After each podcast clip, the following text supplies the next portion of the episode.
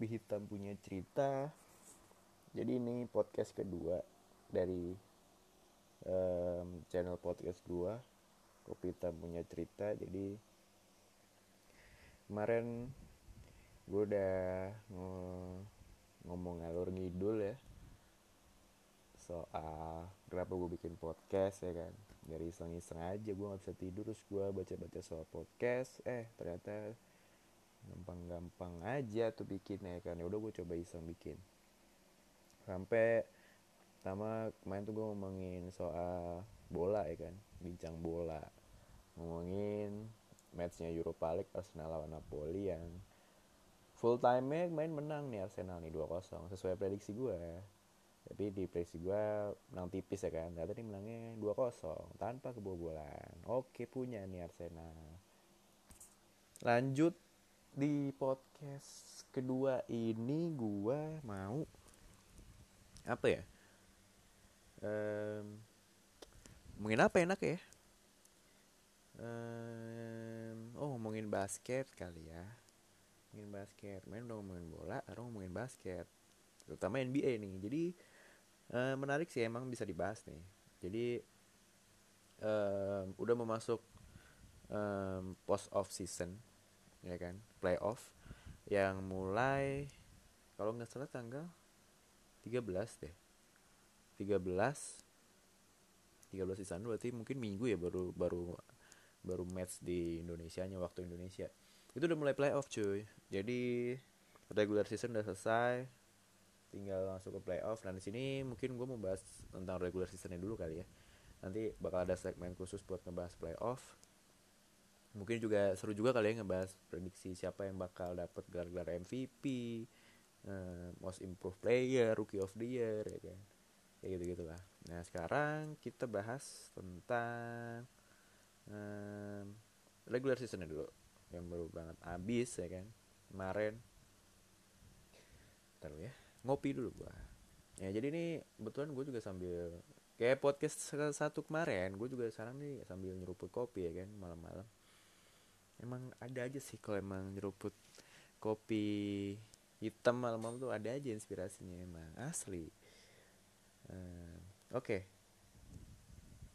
regular season NBA 2018-2019 baru banget habis dengan um, hasil yang menurut gue 50-50 ya. Ada beberapa tim yang uh, sesuai prediksi gue di awal musim yang bakal mulus-mulus aja hingga pada akhirnya lolos. Tapi ada juga beberapa tim yang akhirnya nih setelah sekian tahun gak lolos playoff akhirnya bisa masuk terutama di Eastern sih. Banyak banget di Eastern Conference tuh. Ada dua jadi ada dua tim kalau nggak salah ada Nets sama Magic yang pada akhirnya setelah sekian lama dia absen di playoff. Akhirnya tahun ini masuk lagi cuy. Gokil ya makanya. Tapi sebelum itu gue pengen ngebahas um, gimana regular season musim itu berakhir dengan ah menyedihkan cuy. Menyedihkan kenapa? Karena kita harus kehilangan dua living legend kita forever legend lah ya kan? Um, mereka akhirnya memainkan one last dance-nya mereka ya kan di musim ini. Oh, itu ada Dirk Nowitzki dan juga The Flash di Wayne Wade. Aduh gila sih. Ini dua orang ini tuh kayak apa ya gue hidup gue suka NBA tuh di era mereka sih. Sumpah beneran. Zaman zamannya um, nah, apa namanya Dwayne Wade bisa ngangkat Miami Heat itu sendirian gelar juara tahun 2006 gelar pertama Dwayne Wade gelar NBA-nya ya kan. Dibantu dengan sisa-sisa kejayaannya si Shaq tuh tahun itu itu akhirnya Dwayne Wade bisa ngangkat piala nya pertama kali tuh. Mendahului satu angkatan draft dia ya kan? Dia kan satu angkatan tuh sama Chris Bosh sama Chris Paul Carmelo sama LeBron ya kan? Itu tuh yang terkenal banget tuh. Jadi dia pertama kali dari angkatan draft dia tuh Dwayne Wade duluan sebelum LeBron ya kan? Sebelum Chris Bosh yang pada akhirnya harus ngerasain gelar juara mereka pertama kali ya ketika jadi teammate Dwayne Wade pas pindah ke Miami gitu. Makanya ini orang canggih punya lah gitu. Dan gue suka sih emang dari cara permainannya dia tuh. Hmm, mungkin uh, apa ya di eranya mungkin sekarang belum ada kali ya. Mungkin um, yang cara mainnya menyerupai Kobe tuh emang kayaknya Dwayne Wade sih. Iya sih dari apa ya penetrasi masuk ke dalam ya gak sih? Um, coast to coast um, terus post up tiba-tiba fade away nge-shoot ya kan? Step backnya itu emang Kobe banget sih. Malah memang waktu itu kalau nggak salah sih Dwayne sempet kayak bersyukur gitulah. Salah satu hal yang didapat dari Kobe itu yang mamba mentalitinya si apa Kobe sih itu yang ngajarin uh, Wade buat gimana cara fight di match-match penting ya kan. Itu mamba mentalnya Kobe. Jadi nggak heran lah kalau misalkan dua orang ini punya cara main yang serupa gitu kan. Dari gelar sih wah lengkap sih cuy. Uh, Wade ini gelar NBA tiga kali sama Miami ya kan. Finals MVP All Star MVP scoring champion terus kalau nggak salah masuk um, sekian kali lah di All Defensive All NBA 8 kalau salah 8 kali masuk ya kan? Terus ya itulah lengkap gelarnya dia itu jadi ya nggak heran lah.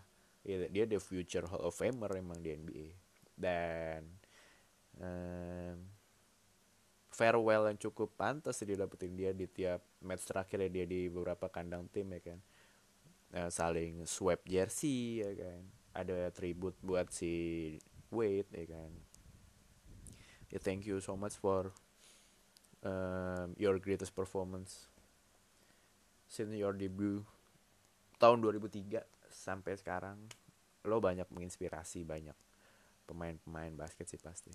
Thank you for Dwayne Wade dan juga satu lagi ini nih. Ini tuh apa ya? Um, legend banget lah legend banget. Karena dia punya signature move-nya ya kan? Fadeaway-nya. Dia sumpah banyak sih. Pasti orang-orang enggak orang-orang zaman pemain-pemain NBA zaman sekarang tuh terinspirasi sama dia sih. One leg fade away sih terutama ya kan yang cuma satu kaki ngangkat ya kan tiba-tiba nge-shoot masuk. Ya kan itu emang awal mulanya sih emang si Nowitzki yang mempopulerkan ya kan. Datang dari Jerman di draft tahun 98 um, one man club 21 tahun ya kan cuma satu klub. Oh gila sih ini orang. Ngasih gelar pertama kali dalam sejarah franchise-nya Mavericks tahun 2011 ngalahin ngalahin siapa ya waktu itu ya Miami ngalahin Miami kalau nggak salah. Waktu itu. Iya ngalahin Miami di final. Dapat finals MVP terus pada musim itu juga jadi regular MVP ya kan. Kalau nggak salah juga terakhir dia pensiun tuh posisinya peringkat berapa ya? Jadi all time scoring leader di NBA 4 ya? 4 apa? Pokoknya masuk lima besar lah si Nowitzki ini dengan total sekitar 31 ribu sekian poin ya kan dengan jumlah games 1500 sekian. Gila sih ini orang. Rekor juga terbanyak dalam satu musim dalam satu klub doang. 21 musim buset bayangin deh. 21 musim lu bisa konsisten di klub di highest level lu sebagai atlet di NBA itu gila sih. Gila gila gila. Nggak banyak yang bisa lakuin. Even seorang di GOAT Michael Jordan juga nggak nyampe segitunya kan. Oke okay, thank you juga buat Nowitzki. Makasih banget buat mem, apa ya Eh, memberikan tontonan menarik sama gaya mainan lu yang unik banget, ciri khas banget. Ya kita bakal rinduin banget sih sama one leg fadeaway-nya sama ciri khas shooting lo, three point lo, wah gila. Oke, gitu. Tuh sekilas tentang apa yang tadi dengan regular season. Balik ke hasil regular season. Secara overall sebenarnya sih yang tadi gue bilang ya ada yang mengejutkan ada yang enggak dari Eastern Conference nih yang lolos dari peringkat 1 sampai 8 satu satu nih sebenarnya agak-agak apa ya kaget nggak kaget sih di awal musim tuh gue prediksiin Raptors di peringkat satu jelas karena walaupun dia abis nge-trade salah satu superstarnya DeRozan ke Spurs tapi tradingannya sama ya menurut gue itu upgradeannya malah. Dia dapat Kawhi ya kan? Yang menurut gue offense-nya 11-12 sama DeRozan defense-nya jauh lebih hebat dibanding DeRozan ya nggak heran lah dia kan menang defensive player of the year dua kali Kawhi. Ya kan? Dan sekarang um, statistik steal per per game itu emang masih stabil sih. Selalu 10 besar dia steal per game. Lima besar malah gitu kan. Makanya Raptors untung sih. Nge-trade superstarnya tapi dapat upgrade-annya gitu. Dengan komposisi yang gak banyak berubah itu kunci sebuah tim buat kayak apa ya chance buat juara tuh lebih gede sih. Dia tuh nggak ngerubah komposisi tim gitu. Nggak kebaikan nge-trade nggak kebaikan nge-hire pemain-pemain free agent baru atau apa pun lah contoh lah Warriors ya kan dia ngebangun fondasi dengan um, Curry, Clay, ya kan, Draymond, ya kan. Itu tuh udah lama, ya kan. Ya sekarang siapa yang kenal sih zaman dulu, zaman zaman Curry, Clay, Draymond Green, ya kan. Enggak ada yang kenal Samsek, tapi percaya tuh, ya kan. Manajemennya Warriors percaya kalau emang nih pemain ini punya potensi gitu kan. Akhirnya bisa juara, ya kan. Apalagi ditambah superstar baru, ya kan nambahin superstar begitu si KD masuk ya, ya makin gila lah gitu kan. Ya malah malah malah, malah gue mengira tahun ini masih Warriors yang juara. Hehe why why not ya kan? Tapi ya nanti itu ada prediksi tersendiri tuh playoff prediksi playoff nanti gue ngomongin lah. Terus tapi ini ternyata balik lagi ke Eastern Conference yang di posisi atas tuh Bucks. Malah Bucks tuh megang um, rekor terbaik seluruh NBA kalau digabungin ya Eastern Western gitu kan. Dengan win eh, uh, 60 kali lossnya cuma 22 kali dengan win persentasenya 0,732 ya kan? Ini nempatin Bucks jadi tim paling bagus. Gak heran juga karena si The Greek Freaknya makin mateng ya kan?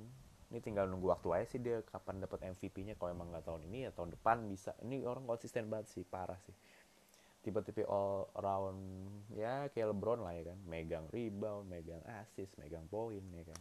Bisa bawa sendirian tuh dari abis dia ngeribon dia cost to cost sendirian ke depan tuh langsung poin juga bisa banget nih orang. Ya gimana dong emang postur sama kemampuannya menunjang dia ya kan yang gak heran. Sama ditunjuk juga ada Eric Bledsoe ya kan di awal musim kan dia hmm, sempat apa ya terjerembab tuh di Phoenix pada akhirnya dia request trade dan ternyata pilihan dia benar. Akhirnya dia nge-request trade ke eh gue lupa request trade apa dia request emang pindah gitu aja gitu. Kayak request trade request trade ke Bucks ya akhirnya dia malah jadi salah satu maker kunci nya si Bucks juga gitu kan. Gitu terus ada juga first time All Star appearance akhirnya ini di Bucks ada si Chris Middleton ya kan. Memang ini juga ibaratnya sidekicknya si Giannis nih si Middleton. Jadi ya nggak heran Bucks bisa sekarang tuh emang selain Giannis sendiri yang nonjol ya pemain-pemain lain pun juga emang sebenarnya bagus masih ada juga Malcolm Brogdon ya kan mantan rookie of the year. Terus juga ada Pau Gasol sekarang nambah tuh dia ya kan. Oke emang dia emang nggak bisa dimanfaatkan lagi buat line up gitu kan tapi experience dia dulu pernah juara di Lakers sih bakal ngebantu banget sih gitu. Raptors nggak heran masih di posisi tiga besar atas Eastern dengan Kawhi dengan Lowry ya kan rutin masuk All Star ya kan. Masih ada Ibaka ya kan nyaman tuh defense perimeter defense ya Raptors ya kan. Uh, blok per game Ibaka juga lumayan tinggi. Ditambah sekarang ada Mark Gasol ya kan Mark Gasol di mana posisinya abis di trade ya kan dia sama Valanciunas. Ya kan. Terus um, ada juga salah satu kandidat most improved player ini si Raptors ada si Pascal Siakam. Itu emang ya udah rata ini tim. Ya salah satu title contender lah. Gitu. Ketiga. Nah ini ini ya kan. Trust the process ya kan cuy trust the process. Asli sih emang emang isinya nih pemain-pemain yang butuh jargon trust the process. Karena emang kenapa? Joel Embiid ya kan di rookie di musim rukinya dia cedera nggak main. Ben Simmons di musim rukinya cedera juga ya kan. Tapi karena emang terpatri ya kan di sanubarinya mereka trust the process ya kan. Ya udah percaya sama proses ya akhirnya sekarang semuanya superstar ya kan first time all star appearance Ben Simmons ya kan. Embiid juga konsisten ya kan. Leading point per game di tim ya kan. Apalagi sekarang ditambah ya kan. Jadi ada Jimmy Butler ya kan yang habis di trade dari Wolves. Ada tambahan lagi dong dari Clippers. Yang gue nggak tahu nih ini agak aneh sih kebijakannya Clippers mau ngelepas starsnya. Yang bisa ngebawa Clippers pada akhirnya stabil dan bisa masuk lolos ke playoff tuh gara-gara si pemain ini si Tobias Harris ya kan yang leading point per game dulu di Clippers tapi malah di trade ke Sixers. Gue nggak ngerti sih. Ya pada akhirnya sekarang Sixers punya empat um, stars ya yang kemampuannya rata sama dalam line up dia. Ditambah ada satu lagi JJ Redick. Wah gila ini three point sih. Ya kan? Ya jadi kayak punya opsi lengkap gak sih dengan Ben Simmons yang biasanya penetrasi ke dalam tuh ya kan ngedrive ke dalam ya kan dia tahu sendiri dia kan kayak pemain basket yang nggak bisa nge-shoot. Aneh nih orang emang gitu. Kalau misalnya lagi mentok ini lagi ngedrive ya kan terus ya udah dia tinggal passing keluar ya kan. Shooting perimeter dia ada JJ Redick ada Tobias Harris ada Jimmy Butler ya kan. Lengkap ya kan. JJ Redick mentok tinggal passing ke Jimmy Butler ya kan. Fake shoot dikit ya kan masuk ngedrive lagi bisa ya kan di bawah kalau dia nggak masuk bisa rebound dari Embiid. Oh, udah kelar sih. Makanya ini Sixers juga salah satu menurut gua ini tiga besar Eastern tuh emang layak banget sih. Bucks, Raptors, Sixers udah. Emang layak sih. Sisanya emang ya anggota-anggotan karena posisi 4 5 nih langganan playoff tapi ya udah gitu aja. Gitu loh kayak di playoff ya ya kemampuannya ya bisa keluar bisa enggak. Kayak Celtic gitu. Yang gue heran sih Celtic tuh kayak gimana ya Kyrie tuh hmm, susah sih ya buat ngelit sebuah tim bisa jadi juara. Ya terbuktikan dulu di Cavs dia bisa juara pas ada LeBron datang ya kan gitu loh. Pas ada Kevin Love juga. Coba pas dia dulu sendiri. Ini orang dari segi kemampuan emang gak usah diraguin sih gitu loh um, apa namanya si Uncle Drew ini ya kan handlingnya luar biasa ya kan.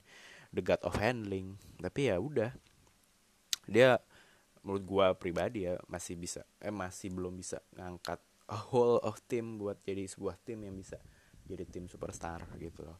Walaupun sebenarnya punya potensi sih ada Gordon Hayward yang menurut gue sih wajar sih belum sehebat dulu peak performance-nya zaman zamannya All Star appearance dia karena emang ya baru benar-benar full perform dari cederanya tuh ya setahunan ini kan. Jadi ya nggak heran lah dia baru comeback. Justru bisa comeback tanpa cedera selama sepanjang musim reguler menurut gue udah bagus banget buat Hayward. Juga ada center sekali ber All Star ada Al Horford ada Jason Tatum ada Jalen Brown ada Terry Rozier. Menurut gue Celtic punya potensi tapi itu balik lagi gue nggak tahu kenapa gue nggak um, tahun ini deh Celtic belum tahun ini buat juara gitu. Loh tapi untuk masuk playoff pantas banget emang. Dengan komposisi kayak gitu nggak masuk playoff mah justru itu yang mempertanyakan nih tim kenapa nih gitu. Pacers Indiana Pacers ya kan? Nih tim stabil masuk playoff karena emang pemainnya juga nggak banyak berubah ya kan? Sayangnya aja nih sayang banget nih. Oladipo tuh cedera di pertengahan sisa pertengahan regular season. Nggak tahu sih kabarnya masih bisa main sih ntar di playoff. Gitu mudah-mudahan sih bisa ngebantu banget sih buat uh, ngangkat Pacers di playoff. Untuk sisa pemainnya kayak Miles Turner ya kan. Menurut gue ini salah satu kandidat defensive player of the year sih.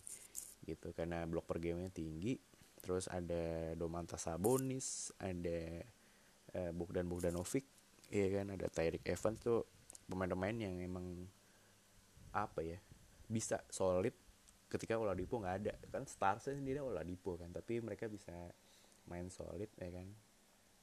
Buat tetap stabil pertahanin Pacers di spot playoff gitu.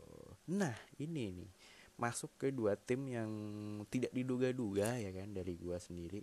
Dan sudah lama tidak berkecimpung di dunia playoff cuy. Asli. Ada Nets ada Magic. Nets itu terakhir kalau nggak salah tahun 2015 masuk di uh, playoff. Zaman zamannya dulu punya the big three ya kan? Di skuadnya the big three tapi yang udah basiannya masa mas karir ya kan? Itu Garnett Paul Pierce Deron Williams ya kan? Ditambah tuh ada Joe Johnson juga tuh. Oh, itu wow. Kalau emang dia zaman emasnya apa namanya karirnya mereka semua sih gila itu si All Star ngalah ngalahin Warriors sekarang kali bisa juara malah tuh. Sayangnya waktu itu udah basian umurnya mereka semua ya kan. Jadi ya udah cuma sebatas bisa ngangkat Nets masuk playoff doang. Nah sekarang ya kan pada akhirnya Nets bisa masuk playoff lagi dengan di bawah komandonya the loading ya kan ice in his veins julukannya. Itu di Angelo Russell ya kan yang pada akhirnya dia bisa nunjukin sih kalau misalkan keputusan waktu itu Lakers nge-trade dia ke Nets tuh salah sih. Kalau nggak salah tuh waktu itu uh, Lakers nge-trade dia tuh buat ngasih posisi waktu itu kan lagi draft seasonnya si Lonzo tuh. Ya pengen ngasih spot aja sih karena kan Lonzo dulu kan hot prospect banget tuh ya kan. Kayak gitu. Dan waktu itu Magic Johnson tuh selaku presidennya Lakers presiden apa GM ya gue lupa nah itulah pokoknya posisi punya posisi lah di Lakers dia bilang kalau misalkan Lakers itu butuh seorang pemimpin bukan sekedar seorang pemain yang bagus nah D'Angelo itu dibilangnya D'Angelo punya kemampuan yang bagus tapi dia bukan seorang leader gitu dong akhirnya D'Angelo sekarang nunjukin kalau dia emang punya kapabilitas sebagai pemain yang hebat. Iya jelas diganjar dengan All Star appearance pertama kali musim ini. Terus bisa ngangkat whole timnya Nets masuk ke playoff. Gokil sih, ditunggu lah. Ya kan, kejutan selanjutnya dari Nets. Next ada Magic, ini juga Wah ini lebih lama lagi kalau nggak salah sih terakhir masuk playoff tuh zamannya The Superman ya zamannya Dwight Howard masih di apa namanya peak performance-nya itu tahun 2012 kalau nggak salah gak sih iya sih ya kan sekarang Magic di bawah komandonya Nikola Vucevic yang lagi gila sih performa musim ini. Ya diganjar dengan first time All Star appearance ya musim ini. Bisa ngangkat pemain-pemain yang menurut gue punya emang ngandelin teamwork sih model-model tim kayak Magic kayak gitu ya kan. Situ ada DJ Agustin ada Evan Fournier ya kan. Ada Terence Rose kayak gitu gitu dan transformasi dari seorang Aaron Gordon yang dulu zaman zamannya rookie dia cuma bisa loncat loncatan doang bisa ngedang ya kan ikutan slam dunk contest. Tapi sekarang bisa ngebantu Vucevic di front court ya sih. Jadi ya lumayan lah Magic bisa masuk playoff. Tapi untuk juara kayaknya enggak sih masih jauh gitu. Terakhir Pistons nih orang eh, ini orang. Ini tim um, last minute banget nih masuk ikut gerbong ke playoff ya kan. Dari seluruh tim um, itu kejar-kejaran sama Hornet sama Heat terakhir-akhir. Tapi Heat udah eliminate duluan. Terus di match terakhir akhirnya decider match. Piston masih bisa menang. Hornet juga menang sih tapi eh Hornet kalah ya? Hornet kalah Hornet kalah deh. Hornet kalah tapi Piston menang gitu. Ya udah akhirnya Piston yang juara. Yang juara. Yang lolos ke playoff di spot terakhir di Eastern nah itu dia ah kalau Piston ini sebenarnya gue nggak heran sih karena dari komposisi timnya dulu musim kemarin kan Black Griffin di trade musim kemarin gitu pertengahan sisa musim kemarin. Nah Habis itu mungkin belum stabil kali ya. Nah, stabil itu musim ini jadi gue ngira ya dua kombinasi monster di front court ada Blake Griffin ada Andre Drummond tuh udah cukup banget sih buat ngangkat sebuah tim gitu kan. Karena ini dua orang ini kuat di offense kuat juga di defense ya kan. Gitu ya kelihatan gak sih dari rebound per game Andre Drummond yang hampir berapa? 15 rebound per game apa ya? Gitu. Dan Blake Griffin bukan tipe front court yang cuman undering doang ya kan? Post up fade away di perimeternya undering doang. Dia juga bisa three point ya kan? Terus ditambah pemain-pemain lain yang nunjang teamwork kayak Piston ada Reggie Jackson ada Langston Galloway gitu gitu kan ini tim sebenarnya punya potensi buat berbicara banyak. At least minimal masuk semifinal kali ya playoff. Tapi ketemunya Bucks sih susah. Sulit bosku. Tapi ya udah kita lihat aja kan playoff kan where the the amazing happens ya kan. Gitu. Kali ada kejutan-kejutan lain. Gitu itu dari Eastern sih. Jadi uh, recapnya gitu sih. Secara overall ada dua kejutan dari Eastern. Sisanya nggak heran sih. Nah di Western nih yang sebenarnya sih menurut gue nggak sih. Western kenapa ya? Western tuh selalu punya persaingan lebih ketat dari zaman kapan tahu udah dibanding Eastern gitu. Nih di Eastern aja sekarang gini maksudnya gini. Hmm, peringkat terakhir playoff spotnya di Western aja Clippers itu setara uh, ininya ya rekor win loss ya itu setara sama peringkat limanya Eastern. Ya nggak sih? Kebayang nggak sih? Nah itu kan kayak ngebayangin begitu ketatnya Western persaingan di Western kan gitu loh.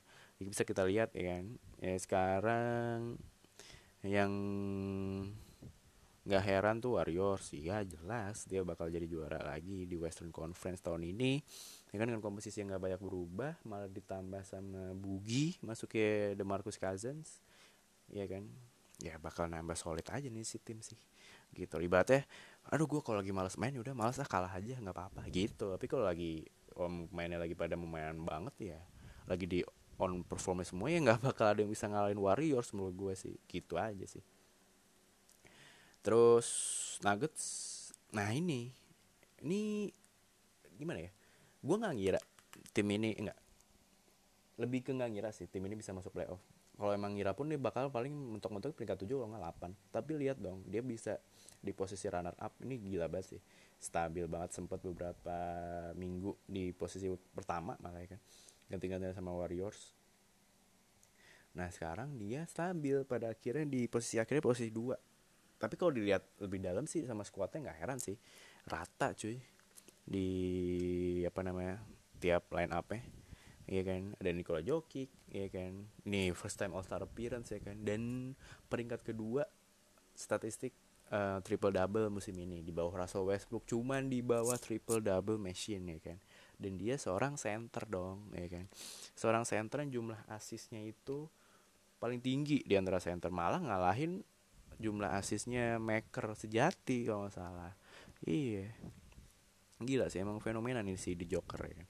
Ditambah ada um, apa namanya Jamal Murray Gary Harris ya kan kayak gitu gitu yang ngebuat Denver kayaknya bisa berbuat banyak sih di mana playoff nanti. Ya minimal semifinal. Semifinal pasti sih. Ya bisa final lah kayaknya ya. Menarik makanya nungguin Nuggets Kemudian di peringkat 3-4 nih punya rekor win loss yang sama ada Trailblazer ada Rockets nih dua tim tradisi masuk playoff sih jadi nggak heran sih. Trailblazer stabil sama duonya ya kan? Ada Lillard sama CJ McCollum. Yang sayangnya harus kehilangan Joseph Nurkic yang harus lo lihat sendiri semua kan. Uh, apa namanya waktu itu cederanya Nurkic yang broken legnya parah banget tuh ngerikan banget. Itu harus absen ya sampai tahun depan malah mungkin sampai musim depan maksudnya. Ya seperti biasa Trailblazer paling pasti masuk playoff tapi nggak tahu. Masuk final aja paling susah. Masuk final Western gitu. Ada Rockets. Nah ini sih. Kalau emang si James Harden benar bisa konsisten ngangkat timnya sampai nanti playoff juga. Dan si Chris Paul tuh apa ya lebih legowo kali ya ngasih distribusi bola ke Harden. Aja udah ke Harden deh. Harden kalau nggak Capella tuh udah. Ya kan? Ini tim unstoppable juga sih. Gitu. Hardennya wah gila sih. Musim ini tadi tuh dia poin per game 35 an apa kalau nggak salah ya. Gue juga belum lihat sih. Dan ngecetak um, 30 plus poin game di ke semua tim. Bayangin ke semua tim di NBA dibabat sama Harden dong. Nggak heran sih gelar MVP tournament tuh nunjukin performa dia emang. Dan nggak ada yang mungkin juga ya kan? Uh, kalau misalkan nggak ada yang mungkin juga tuh gimana sih? Uh, tidak menutup kemungkinan juga kalau misalkan si Harden ini bakal nyabet MVP lagi musim ini. Ya nggak sih? Poin per game 36,1 ribuan per game 6 asis per game 6,6 asis per game 7,5 eh gila nggak sih? Gila nih orang. Fear the beard bro terus tambah apa namanya backupnya dari tim Rockets lengkap banget. Sumpah deh. Ada Kenneth Farid ada Eric Gordon ada Gerald Green ada Nene ada Austin Rivers ada Iman Shumpert ada PJ Tucker. Ini nama-nama yang kayak ya kalau lu suka NBA ya nggak heran sih nama-nama itu kan. Udah bolak-balik di klub mana pun. Gitu. Oh ada Jazz. Jazz nih juga stabil ya. Squad juga nggak banyak berubah sama ada um, defense offense itu simbang defense-nya nyaman ya kan? Ada salah satu kandidat defensive player of the year ada Rudy Gobert. Depannya ada The Spider The Spider Donovan Mitchell ada Ricky Rubio yang masih konsisten ngacak-ngacak apa namanya defense lawan tiba-tiba dari tiba-tiba passing ya kan? Ada juga kayak Corver ya kan? Buat perimeter shootnya ya punya potensi buat ngajutin sih Jazz ada Thunder nah. Thunder sama Spurs di peringkat sama tujuh. Ini dua tim yang gue prediksi di awal tuh di awal musim dia bakal bertengger di posisi tiga kalau nggak empat ya lima besar lah harusnya. Tapi di mana di posisi enam sama tujuh. Thunder sih ini gue berharap banyak sih Thunder bisa masuk final malah. Karena gue nggak tahu sih dengan keluarnya Carmelo malah bikin duo PG-13 sama si Russell Westbrook malah lebih menggila sih. Paul George malah masuk um, kandidat MVP musim ini. Russell Westbrook biasa dengan triple double um, apa namanya habitnya dia ya kan 33 triple double musim ini kalau nggak salah. 33 atau 32 itu gue lupa. Ya kan? Just like a casual Russell Westbrook do thing aja gitu kan. Ya nggak heran bisa ngangkat tim ya walaupun emang apa namanya um, kadang dia suka masih ngelakuin error yang banyak juga sih gitu kan. Tapi yang nggak bisa nutup mata juga kalau dia ngangkat timnya juga banget sih gitu. Ditambah Stephen Adams di posisi center makin matang ya kan dia gitu loh. Ya itu makanya gue expect Thunder bisa masuk final. Kemudian ada Spurs Spurs nih ya Allah dari gue lupa ini dia dari kapan tahun nih tim gak pernah absen dari playoff sih. Karena emang ini tim tradisional banget sih. Gak banyak rombak posisi sekali yang rombak pun dia diganti sama posisi yang at least seimbang gitu kan. Dia nggak buang Kawhi dapetnya DeRozan. Emang dari segi dari segi defense emang agak berkurang. Tapi kalau dari segi offense nambahin nggak nam ya setara tuh malah nambahin daya ledak Spurs buat offense sih malah gitu. Walaupun memang DeRozan performanya di Spurs lebih menurun dibanding di Raptors dengan dia nggak masuk All Star appearance ya kan? Poin per game juga lebih rendah. Karena ketutup sama gak tau ya gue ngeliat tuh cara mainnya Spurs tuh mengandalkan power forwardnya dia sih dari zamannya Duncan. Duncan diterusin sama Marcus Aldridge ya kan? Jadi itu yang berkembang di posisi front courtnya dia dibanding back courtnya dia. Kelihatan dari Aldridge sekarang masuk playoff eh masuk playoff. Iya masuk playoff bener Terus masuk All Star maksud gue sama sempat nyetak 51 poin kan gitu kan. Masuk daftar pemain-pemain yang berhasil mencetak 50 poin lebih musim ini di NBA gitu. Spurs sih ada potensi masuk final. Selalu ada potensi masuk final kalau buat Spurs sih. Greg Popovich still in the charts ya kan? Ya bakal tetap membahayakan nih Spurs gitu. Terus terakhir ada Clippers. Nih tim juga um, gak gue duga-duga sih masuk di playoff dari awal pun gue nggak ngira Tobias Harris bisa sebegitu ngangkat mainnya di Clippers sama Danilo Gallinari yang menurutku udah abis nih pemain tapi sekarang ternyata bisa ngangkat Clippers bisa masuk playoff gitu kan. Sebelum waktu itu akhirnya di trade kan si Tobias Harris tapi ketika di trade itu posisinya si Clippers emang udah rada-rada aman sih di playoff spot gitu loh. Ditambah ada six man calon six man of the year ada Low Williams wah gila sih ini orang uh, kalau emang lagi scorer making nih kemudian ada tadi dari Gallinari ya kan Wilson Chandler Patrick Beverley yang maker yang tapi punya kemampuan defense yang bagus Montrezl Harrell mirip-mirip Clint Capela gitu dia cara mainnya. Ya, kan? ya nih tim cukup bagus lah. Pendapatan cukup bagus bisa masuk playoff tapi ya udah paling langsung kalah aja di match pertama di playoff temunya Warriors pula gitu. Ya sayang banget tuh yang rada flop banyak flop tuh di Western ya Lakers ya kan udah masukin LeBron tapi ternyata flop. Ya iya dia ngangkat LeBron doang sisanya. Ngaco ya kan. Nggak sebanding gitu. Iyalah Brandon Ingram Lonzo siapa lagi? Kuzma punya potensi tapi ya udah namanya masih pemain muda ya kan. Ya nggak bisa lah dipaksa jadi pemain utama cuma ngangkat diangkat sama LeBron doang ya capek LeBron. Apalagi pas LeBron cedera kan ya udah kelar tuh. Timberwolves nih nah ini gue sebenarnya jagoin Timberwolves buat masuk sih. Soalnya posisinya di awal musim kan komposisi squadnya kan ya sama kayak tahun kemarin kan stabil lah. Gitu rata semua di tiap posisinya. Uh, Anthony Towns masih bisa masuk All Star musim ini ya kan. Stabil juga performanya. Andrew Wiggins ada Jimmy Butler di awal musim walaupun di trade sama ada Jeff Tick harusnya bisa masuk playoff. Gue gak ngerti salahnya di mana. Grizzlies eh, gue juga nggak expect banyak sih. Pemain-pemainnya emang harusnya kayak udah di harusnya dirombak sih. Era-era yang Mike Conley, Mark Gasol, Mark Gasol udah pindah kan. Mike Conley sekarang malah terakhir gue lihat di media dia bilang dia nggak butuh rebuilding tim tapi dia butuh gelar juara. Malah terkesan kayak dia nggak apa-apa tuh ibaratnya jadi backup Curry kayak di Warriors atau backup siapa kayak yang penting dia dapat gelar juara. Udah sebegitu pengennya dia dapat juara. Pelicans nih ini isu-isunya Anthony Davis katanya mau di trade ke Lakers ya. Pada akhirnya sampai akhir musim belum di trade juga. Mavericks nggak heran sih. Tapi dia punya apa ya future tim sih buat ke depannya walaupun ditinggal Nowitzki the, the forever legend tapi dia dapat ganti sebanding di Luka Doncic sih. Gila nih calon rookie of the year ya kan? Kayak rookie of the year pasti rookie of the year banget lah nih orang. Gitu sih. Gitu sih paling recap dari regular season. Um, ada tim-tim yang mengejutkan menurut gue pribadi tapi ada tim-tim tradisional yang masuk ke playoff dengan mudahnya.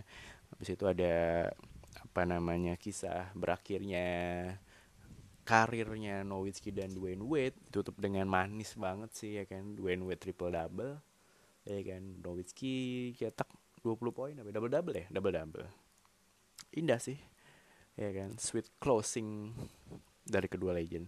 Kemudian juga ada kalau nggak salah regular season musim ini tuh terbanyak uh, ngecetak triple double ya kan? Yang dipimpin sama Westbrook. Terus ada Jokic ada Ben Simmons. Tiga pemain yang mencetak triple double paling banyak.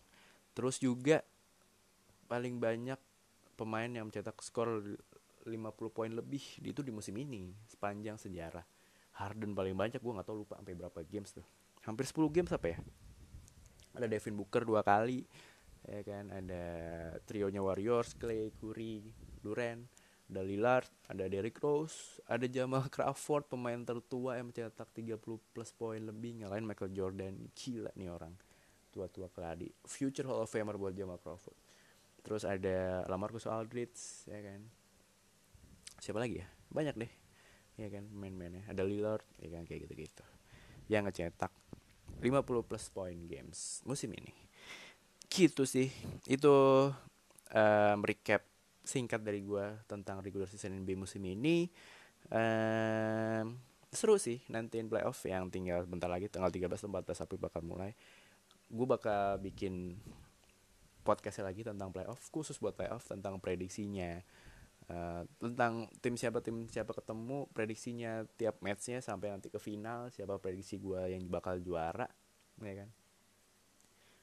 Nggak tau mungkin gue gabungin atau mungkin gue pisahin prediksi siapa MVP siapa menurut gue ya MVP menurut gue most improved player menurut gue defensive player of the year menurut gue terus rookie of the year sama mungkin gosip-gosip yang bakal di trade musim depan siapa yang bakal bertahan itu siapa aja gitu sih karena emang gak ada habisnya sih. Ngomongin NBA tuh selalu ada aja sih emang seru banget emang. Gitu jadi sementara itu dulu podcast kali ini dari gua ya kan? Um, kita bakal ketemu lagi di podcast selanjutnya. Uh, gua mohon maaf kalau ada salah-salah data tadi yang gua, yang dari gua omongin ya kan? Entah dari jumlah apa ya jumlah poin atau jumlah menang atau apa pun gue juga itu singkat-singkat gue sih yang gue baca selama regular season gitu kan. Gitu. Jadi sampai ketemu di podcast selanjutnya. Jangan lupa seruput dulu kopi lo hari ini biar kita bicara tanpa ragu. Mantap ya nggak sih? Oke okay, see you and thank you.